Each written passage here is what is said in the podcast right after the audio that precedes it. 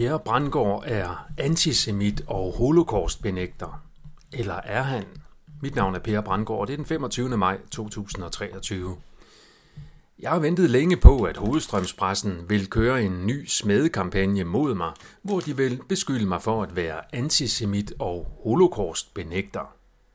Det angreb på mig er dog ikke sat ind endnu, men det kan kun være et spørgsmål om tid – jeg tænkte derfor, at jeg ville skrive et forebyggende blogindlæg om den kommende sag.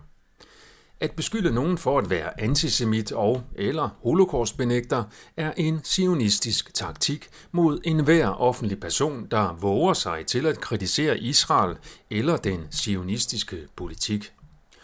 Roger Waters fra Pink Floyd er for eksempel for nylig blevet udsat for denne type angreb. Formålet er at få den angrebne til at fremstå som en hadefuld tosse, man ikke bør følge.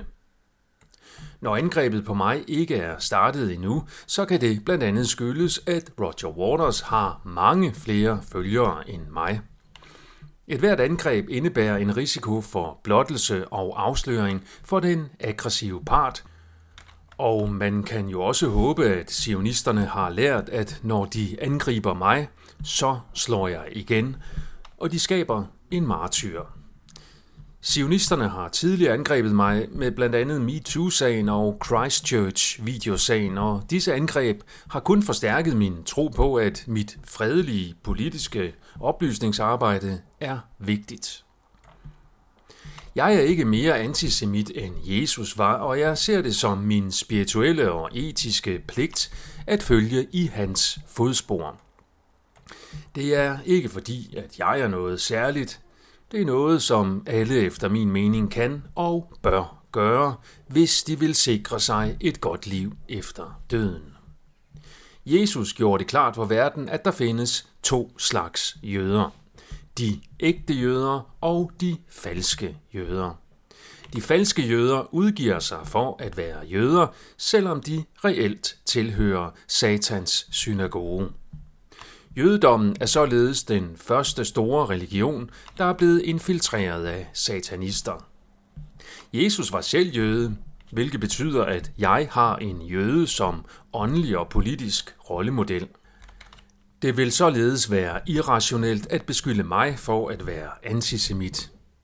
Jeg er faktisk ret ligeglad med, hvad folk er født som. Jeg vurderer folk på deres handlinger. Med hensyn til min voldtægtssag, så er det påfaldende, at den eneste gang, jeg er blevet beskyldt for voldtægt, er fra en kvinde med et meget jødisk navn, og hvis far til synladende er højtstående medlem af Rabat Lubavitch, som Jesus formentlig ville have kategoriseret som Satans synagoge i dag. Men selv den sag har ikke fået mig til at blive irrationel jødehader, da Jesus jo har sagt, at vi skal elske vores fjender og gøre godt mod dem, der gør os ondt. Sagen har dog bekræftet mig i, at jeg er på sporet af noget vigtigt, som nogen ikke ønsker skal frem i lyset, og det omfatter også tabuiserede emner om falske jøder og sionisme. Når jeg i flere indlæg har taget emnet holocaust op, så er det for at belyse problemet med ytringsfriheden, i det man i flere lande, heldigvis ikke Danmark endnu, kan komme i fængsel i flere år, alene for fredeligt at ytre kritik af den herskende fortælling om holocaust. Jeg tænker så, at når man er nødt til at forbyde kritik af en historisk begivenhed, så kan det skyldes, at evidensgrundlaget for den historiske begivenhed er så skrøbeligt, at kritikerne ikke kan bekæmpes på demokratisk og fredelig vis med fakta og argumenter. Man bruger så det voldelige overgreb som anholdelse og fængsling for ytringer reelt er. Ja, det er simpelthen ytringer, man kan komme i fængsel for. Jeg undrer mig også over, at det i Danmark åbenbart er umuligt at få svar på de spørgsmål, som de historikere, der har studeret og kritiseret holocaust-fortællingen, har fremført.